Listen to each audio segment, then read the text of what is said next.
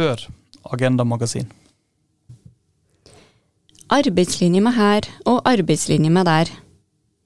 Jeg heter Helle Cecilie Palmer. Hva er det egentlig vi snakker om når vi snakker om arbeidslinja? Mange vil ha arbeidslinja, men ingen kan si hva den er. Noen vil skrote arbeidslinja, men snakker de da om den samme arbeidslinja? Hvor mange arbeidslinjer finnes det, og hvilken er det som gjelder i dag? Arbeidslinja kan defineres som det som legges i begrepet av dem som snakker om den, eller lager politikk i tråd med den, eller kritiserer andre for å være for eller mot den. Uheldigvis for oss er det sånn arbeidslinja snakkes og skrives om. Vi er på en måte enige og uenige på samme tid.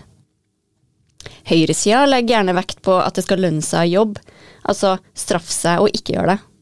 Venstresida er opptatt av at en arbeidslinje ikke må stå i veien for at folk som ikke kan jobbe, er sikra en inntekt som det er mulig å leve av. Fagbevegelsen er opptatt av at det skal lønne seg å jobbe, ikke på den måten at trygdene må være lav, men at lønningene må økes. Måten vi snakker og skriver om arbeidslinja på, sier ganske mye om hvilket syn vi har på arbeid, sykdom og funksjonsvariasjon. Da nyvalgt SV-leder Kirsti Bergstø i sin landsmøtetale oppfordra til skroting av arbeidslinja, mente hun åpenbart ikke at alle skal slutte å jobbe for å cashe inn trygd. Det burde i hvert fall vært åpenbart. Likevel skapte uttalelsen såpass store reaksjoner at landets aviser på lederplass rykka ut og advarte mot Bergstøs budskap. Det måtte jo fortsatt lønne seg å jobbe, må vite. VG f.eks. definerte arbeidslinja som prinsippet om at det skal lønne seg jobb framfor å stå på trygd. Som om uføretrygda er noe man har valgt å være. VGs leder var illustrert med en karikatur av Bergstø som annet sier arbeid er noe tull. SVs forslag om å skrote arbeidslinja bør møtes med avslag fra de potensielle regjeringspartnerne Ap og Sp, konkluderte DN, mens tittelen på Sunnmørspostens leder var Klart det må lønne seg å jobbe. Som om det ikke gjør det. Som om det ikke alltid har gjort det. Så hva er det vi snakker om når vi snakker om arbeidslinja? Eller hva bør vi snakke om? Arbeidslinja var en het potet under Arbeiderpartiets landsmøte sist helg. I sin tale til landsmøtet siterte Jonas Gahr Støre velferdsmeldinga som Gro Harlem Brundtland var ansvarlig for i 1995. Arbeidslinja betyr at virkemidler og velferdsordninger, enkeltvis og samla, utformes, dimensjoneres og tilrettelegges slik at de støtter opp under målet om arbeid til alle, står det der. Gro kunne få sagt det, sa Jonas begeistra og viste til ting Arbeiderpartiet har gjennomført i tråd med Gros arbeidslinje, som pensjonsreform, barnehagesatsing og reduksjon av kontantstøtte og overgangsstønad. Men så var det alt han ikke sa. Han sa nemlig ikke at det skal lønne seg i jobb. Han brukte i hvert fall ikke de ordene. For det vet nok Støre at folk vet at det gjør. Det er en helt overflødig setning, og er også på mange måter arbeidslinjas skyggeside. Skal det lønne seg å jobbe, må det ikke lønne seg å ikke jobbe. Altså straffer det seg å bli syk eller arbeidsledig. Men det at det skal lønne seg å jobbe, er ikke det som får folk i jobb. Folk blir ikke friskere av å bli fattig, uansett hvor mange moralistiske pekefingre og motivasjon og økonomiske insentiver du stikker opp i ansiktet deres. Det her har også vært Arbeiderpartiets arbeidslinje.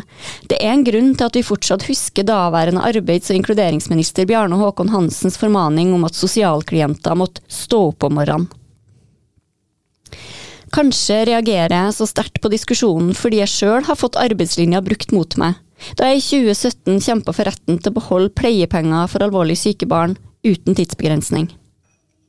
Høyre og Frp argumenterte for å frata foreldre med langvarig alvorlig syke barn inntekter når barnet var syk for lenge. Det var jo viktig i en sånn situasjon å ta riktige valg, altså jobbe, ikke være med barnet, og beholde tilknytninga til arbeidslivet. Eller kanskje er det fordi jeg har en multifunksjonshemma datter som aldri vil kunne bidra, slik selve definisjonen av arbeid er å bidra til fellesskapet. Min datter er bare ressurskrevende. En utgiftspost. Når Arbeiderpartiet snakker om arbeid til alle, så mener de ikke hun. Hun er ikke inkludert i alle. Så å si alle som forsvarer arbeidslinja, husker også å nevne dem som ikke kan jobbe. De sier det som regel helt til slutt, nærmest som en parentes, ja, dem som ikke kan jobb skal også ha en anstendig inntekt og leve trygge liv. Men det er jo å bli den rådende politiske vilja at mange har en inntekt på eller under fattigdomsgrensa.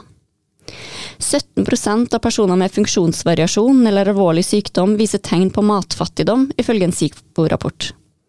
Det er over tre ganger så mange som resten av befolkninga.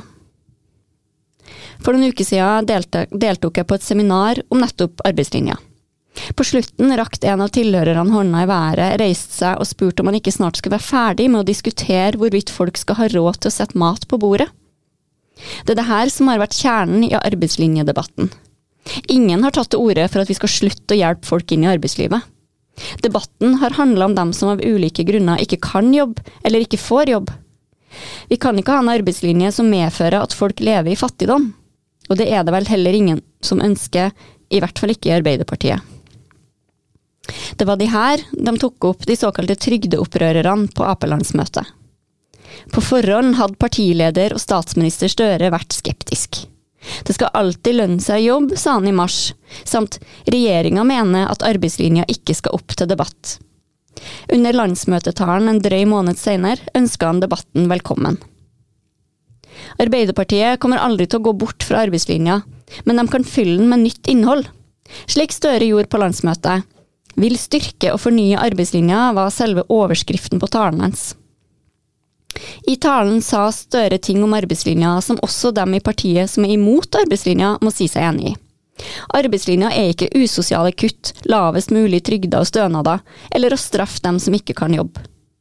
Og fordi arbeidslinja ikke er de her tingene, men i stedet noe som skal gi folk trygghet, fellesskap og muligheter, de her tre ordene som oppsummerte hele Støres tale, så må vi ikke kødde med arbeidslinja. Det var en beskjed med flere adressater. Høyresida, som har gjennomført usosiale kutt, partier til venstre for Ap, som vil skrote hele arbeidslinja, og Støres egne. Eksempel partiets ordførerkandidat i Oslo, Rina Mariann Hansen, som sparka i gang den interne debatten ved å kalle arbeidslinja for et fryktelig begrep. Ikke kødd, sa Støre, og boksehansken var kasta. Hansen plukka den elegant opp. Kjære Jonas, jeg har et tilbud til deg som du ikke kan avslå. Hvis du hjelper meg med å fikse trygdeytelsene og folks mulighet til å klare seg sjøl økonomisk, så skal jeg slutte å kødde med arbeidslinja, avslutta hun sitt landsmøteinnlegg med. Da hun gikk ned fra scenen, ble hun møtt av partilederen sin. Han tok hånda hennes og løfta arma i været, slik en dommer gjør med vinneren av en boksekamp. Det var ikke noe knockout, men likevel en slags seier til trygdeopprørerne. Og debatten om arbeidslinja, den fortsetter nok en stund til.